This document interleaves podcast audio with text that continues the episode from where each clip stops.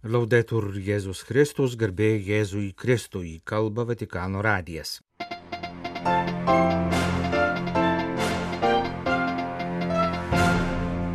Popiežius paskambino motinai, palaidojusiai sūnų, kuris mirė vos grįžęs iš pasaulio jaunimo dienų Lisabonoje. Amerikos teisėjų komitetui socialiniam teisingumui ugdyti popiežius suteikė tarptautinės katalikiškosios organizacijos statusą. Artėja popiežiaus kelionė į Mongoliją. Buvęs ES vyskupų komisijos sekretorius tapo Jeruzalės Biblijos mokyklos vadovu. Rusijos valdžia Maskvoje uždarė Sakharovo centrą. Laidos pabaigoje 20-ojo eilinio sekmadienio Evangelijos komentaras. 24 metų amžiaus italas jaunuolis Luka Resartu mirė nuo ūmios infekcinės lygos praėjus kelioms dienoms po grįžimo iš Lisabonoje vykusių pasaulio jaunimo dienų. Laidotuvių dieną jo motinai paskambino popiežius Pranciškus. Marnatė miestelio netoli Milano Šventojo Hilarijaus parapijos bažnyčioje aukotose laidotuvių mišiuose dalyvavo daugybė žmonių, šeimos nariai, mirusio jaunuolio draugai vilkintys Lisabonos pasaulio jaunimo dienų marškinėlius, pažįstami institucijų vadovai ir daug kitų. Popiežius ir Lukos motina verkė kartu. Aukodamas laidotuvių mišes sakė Milano arkivyskupijos auxiliaras vyskupas Giovanni Luca Raimondi. Popiežiaus Pranciškaus sprendimu visos Amerikos teisėjų komitetui socialiniam teisingumui ugdyti suteiktas tarptautinės tikinčiųjų asociacijos statusas.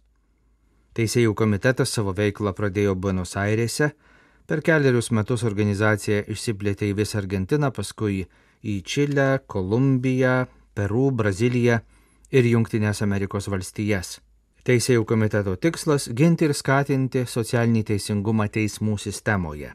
Naujosios tikinčiųjų asociacijos steigimo dokumente popiežius primena 2019 m. birželį Vatikane įvykusį savo susitikimą su 120 teisėjų iš Pietų ir Šiaurės Amerikos, per kurį buvo išreikštas pageidavimas tapti oficialiai pripažinta tarptautinė katalikiška organizacija. Paminėti ir vėlesniais metais komiteto organizuoti tarptautiniai renginiai, kurių tikslas buvo skatinti socialinį teisingumą. Suteikdamas visos Amerikos teisėjų komitetui socialiniam teisingumui ugdyti tarptautinės tikinčiųjų asociacijos statusą, popiežius taip pat pranešė, kad bus įsteigta ir akademinė institucija. Bartolomė de las Casas socialinio teisingumo studijų ir skatinimo institutas kuris veiks kaip popiežiškosios socialinių mokslų akademijos padalinys. Artėja popiežiaus pranciškaus apaštališkoji kelionė į Mongoliją. Popiežius išvyks į kelionę rūpiučio 31-osios pavakarę ir Mongolijos sostinės Ulambatoro oro uostą pasieks rugsėjo 1-ąją, penktadienį. Po ilgos kelionės ir tik trumpo pasisveikinimo oro uoste popiežius ilsėsis ir pasirengs rugsėjo antrosios dienos susitikimams, kurie prasidės nuo iškilmingų sutiktuvių Ulanbatoro pagrindinėje aikštėje. Po ceremonijos popiežius apsilankys Mongolijos prezidento rūmose ir po pokalbio su šalies vadovu kreipsis į krašto valdžios, pilietinės visuomenės vadovus, bei diplomatinio korpuso narius. Po to įvyks dar du atskiri trumpi susitikimai su Mongolijos parlamento pirmininku ir vyriausybės vadovu. Šeštadienį rugsėjo antrąją po pietų popiežius nuvyks į sostinės Šventųjų Petro ir Pauliaus katalikų katedrą, kur susitiks su viskupais, kunigais, misionieriais, vienuoliais ir vienuolėmis, kitais sielovados darbuotojais. Popiežius jiems pasakys kalbą, kuri bus antroji oficiali popiežiaus kelionės kalba. Trečioji kalba yra numatyta jau sekmadienį rugsėjo 3 rytą per popiežiaus susitikimą su Mongolijos religinių bendruomenių delegacijomis. Sekmadienio popietę popiežius aukos mišes Mongolijos katalikų bendruomeniai, kurią sudaro tik apie pusantro tūkstančio narių. Rugsėjo ketvirtoji pirmadienis bus paskutinė popiežiaus vizito Mongolijoje diena. Iš ryto Pranciškus atidarys gailestingumo namus ir susitiks su tais, kurie tarnauja artimui, rūpinasi pagyvenusiais žmonėmis ligoniais. Po atsisveikinimo ceremonijos popiežius Pranciškus išvyks iš Mongolijos ir tos pačios dienos vakarą sugrįž į Romą. Popiežiaus vizitas padės atskleisti šio krašto grožį ir jo žmonių, saugančių labai gilias tradicijas kilnumą, sakė Vatikanų radijui Ulambatoro apaštališkasis prefektas kardinolas Džordžo Marengo. Kardinolas yra įsitikinęs, kad popiežiaus atvykimas į Mongoliją bus labai didelis padrasinimas mažajai Mongolijos katalikų bendruomeniai, kurią, kaip sakyta, sudaro tik apie pusantro tūkstančio narių. Tai bus vienintelis apaštališkasis vizitas, kai visi vietinės bažnyčios nariai turės galimybę susitikti su popiežiumi. Pasak kardinolo, gali būti, kad net visi pateks į vieną nuotrauką su pranciškumi. Naujoju garsiosios Jeruzalės Biblijos ir archeologijos mokyklos direktoriumi tapo prancūzas dominikonas Olivier Pakijonas, iki 2019 metų ėjęs ES vyskupų komisijos komece generalinio sekretoriaus pareigas. 56 metų amžiaus tėvas Pokijonas pagal išsilavinimą yra teisininkas, tarptautinės teisės specialistas. Jis, be kita ko, yra dirbęs kaip ekspertas Šventojo sosto misijoje prie Europos tarybos.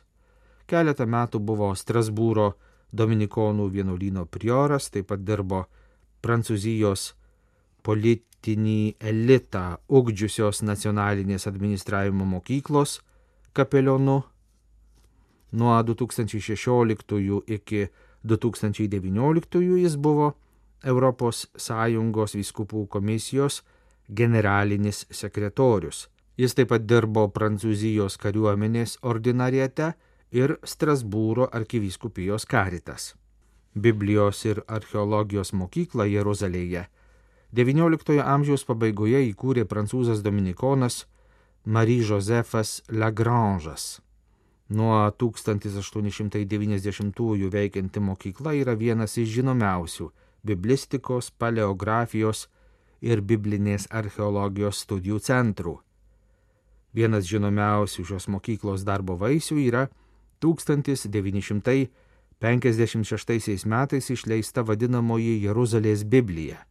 Šventojo rašto vertimas iš originalo kalbų, kuriuo kaip pavyzdžių seka dauguma šio laikinių šventojo rašto vertimų. Jeruzalės Biblijos mokykla taip pat atlieka archeologinius tyrimus visuose artimuosiuose rytuose, taip pat leidžia mokslinį žurnalą La Revue Biblique.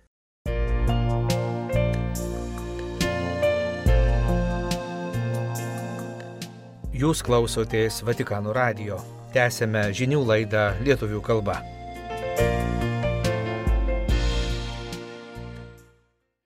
Maskvos teismas patvirtino Rusijos teisingumo ministerijos sprendimą uždaryti Sakharovo centrą. Viena iš paskutinių dar veikusių žmogaus teisų ir žodžio laisvės apsaugos institucijų šalyje. Sakharovo centras veikia visų pirma kaip muziejus, saugojęs Nobelio premijos laureato, fiziko ir žmogaus teisų gynėjo Andrėjaus Sakarovo palikimą. Pastaraisiais mėnesiais muziejus buvo likęs viena paskutinių simbolinių laisvės erdvių. Jo veikla buvo smarkiai suvaržyta jau nuo 2014 metų, kai centras buvo paskelbtas vadinamuoju užsienio agentu. Tai yra ryšių su užsieniu turinčia ir valdžiai nelojalia institucija. Įstatymas dėl užsienio agentų Rusijoje buvo priimtas siekiant sutramdyti opoziciją Putino režimui. Valdžios kritikai buvo verčiami savo publikacijas ir viešus pasisakymus žymėti prierašu, kad jie užsienio agentai. Sakarovo centras, nepaisant to, kad buvo įvardytas kaip užsienio agentas, atsisakė savo leidinius žymėti valdžios nurodytą tvarką. Dėl to jam buvo taikomos įvairios sankcijos, dažniausiai piniginės baudos Centras kiekvieną kartą administracinės baudas apskūsdavo teismui ir tik teismui atmetus ieškinį sumokėdavo baudą. Įtampa dar labiau padidėjo 2022 metais, kai muziejus sukritikavo Rusijos invaziją į Ukrainą, paskelbdamas pareiškimą, kuriame pradėtą karą pavadino moraliniu Rusijos visuomenės bankrotu. Netrukus po to Rusijos teisingumo ministerija pasiuntė į Sakharovo centrą kontrolierius, kurie nustatė daug rimtų, sistemingų ir neįmanomų pašalinti teisės aktų pažeidimų. Remiantis taip suformuoluota išvada buvo įsakyta Sakharovo centrą uždaryti. Andrėjaus Sakharovo, vieno žinomiausių disidentų žmogaus teisės veikėjų paskutiniais Sovietų sąjungos dešimtmečiais vardu yra pavadinta Europos parlamento nuo 1988 kasmet teikiama premija, kuria apdovanojami žmogaus teisų ir žodžio laisvės srityje nusipelnę asmenys ir organizacijos. Pirmasis šios premijos laureatas 1988 metais buvo žmogaus teisų gynėjas Pietų Afrikos Respublikoje Nelsonas Mandela. Pastarųjų trejų metų Sakharovo premijos laureatai buvo Baltarusijos demokratinė opozicija 2020-aisiais, politinis kalinys Rusijoje Aleksėjus Navalnas 2021-aisiais ir ukrainiečių tauta, kuri šią premiją buvo apdovanota pernai.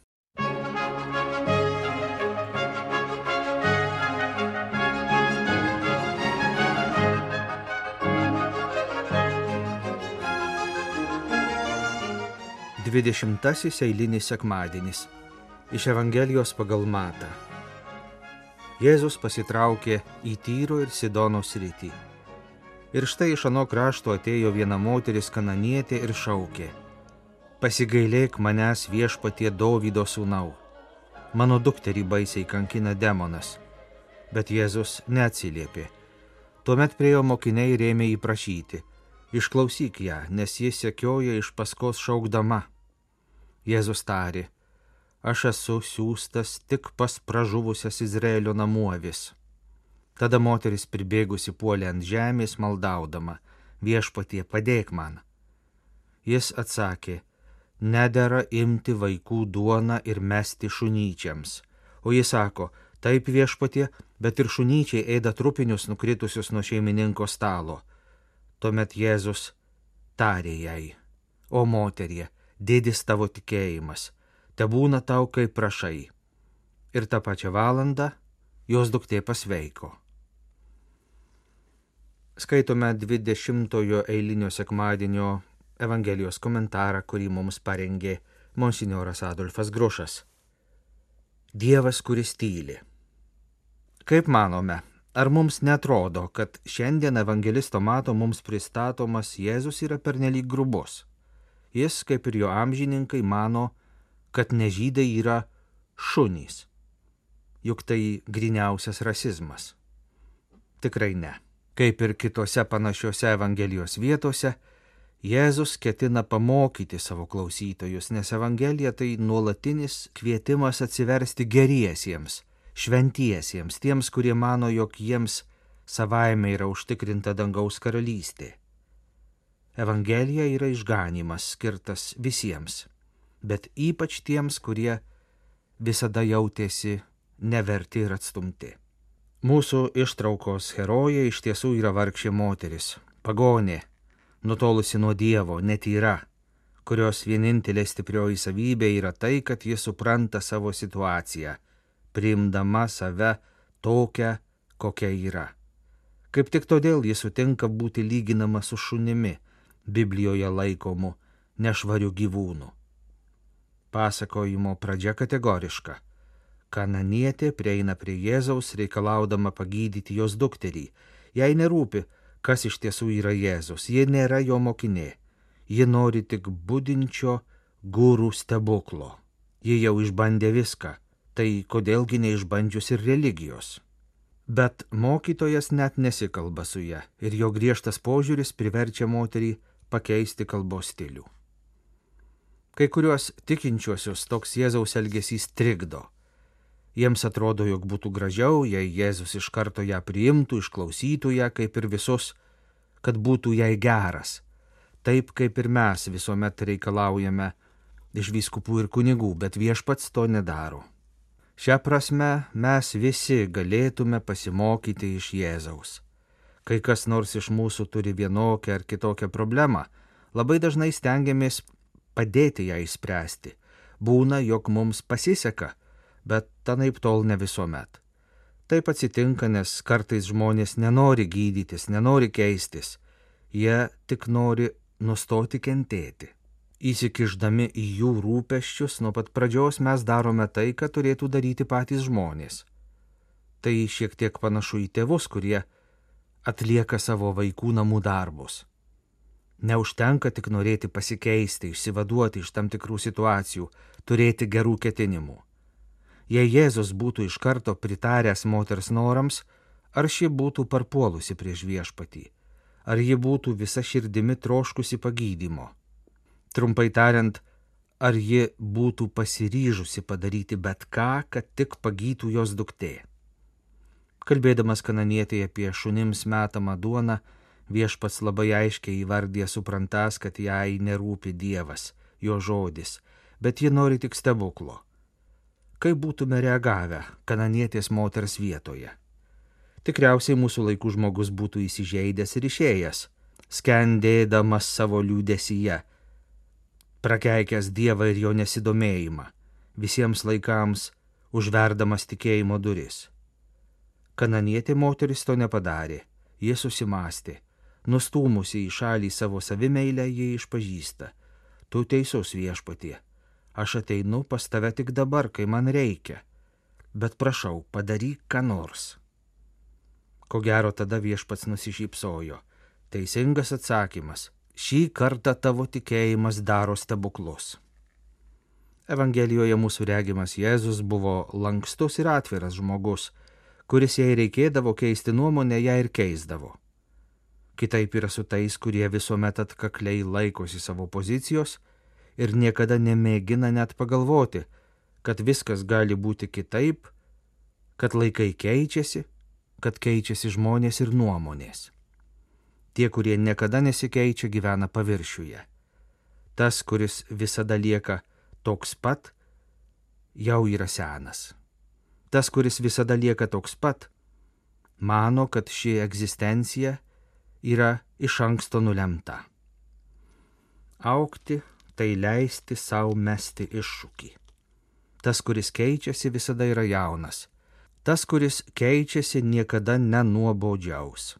Aišku viena, tas, kuris jūs glosto, ne visada jūs myli, ir tas, kuris sako komplimentus, ne visada linki gero.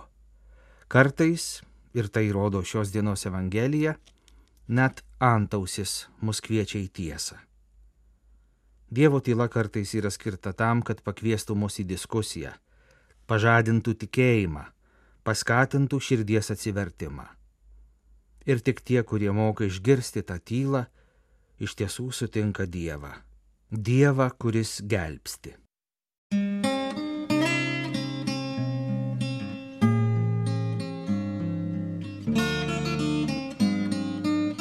Kalba Vatikanų radijas. Laidą lietuvių kalba baigėme. Garbėjai Jėzui Kristui, laudetur Jėzus Kristus.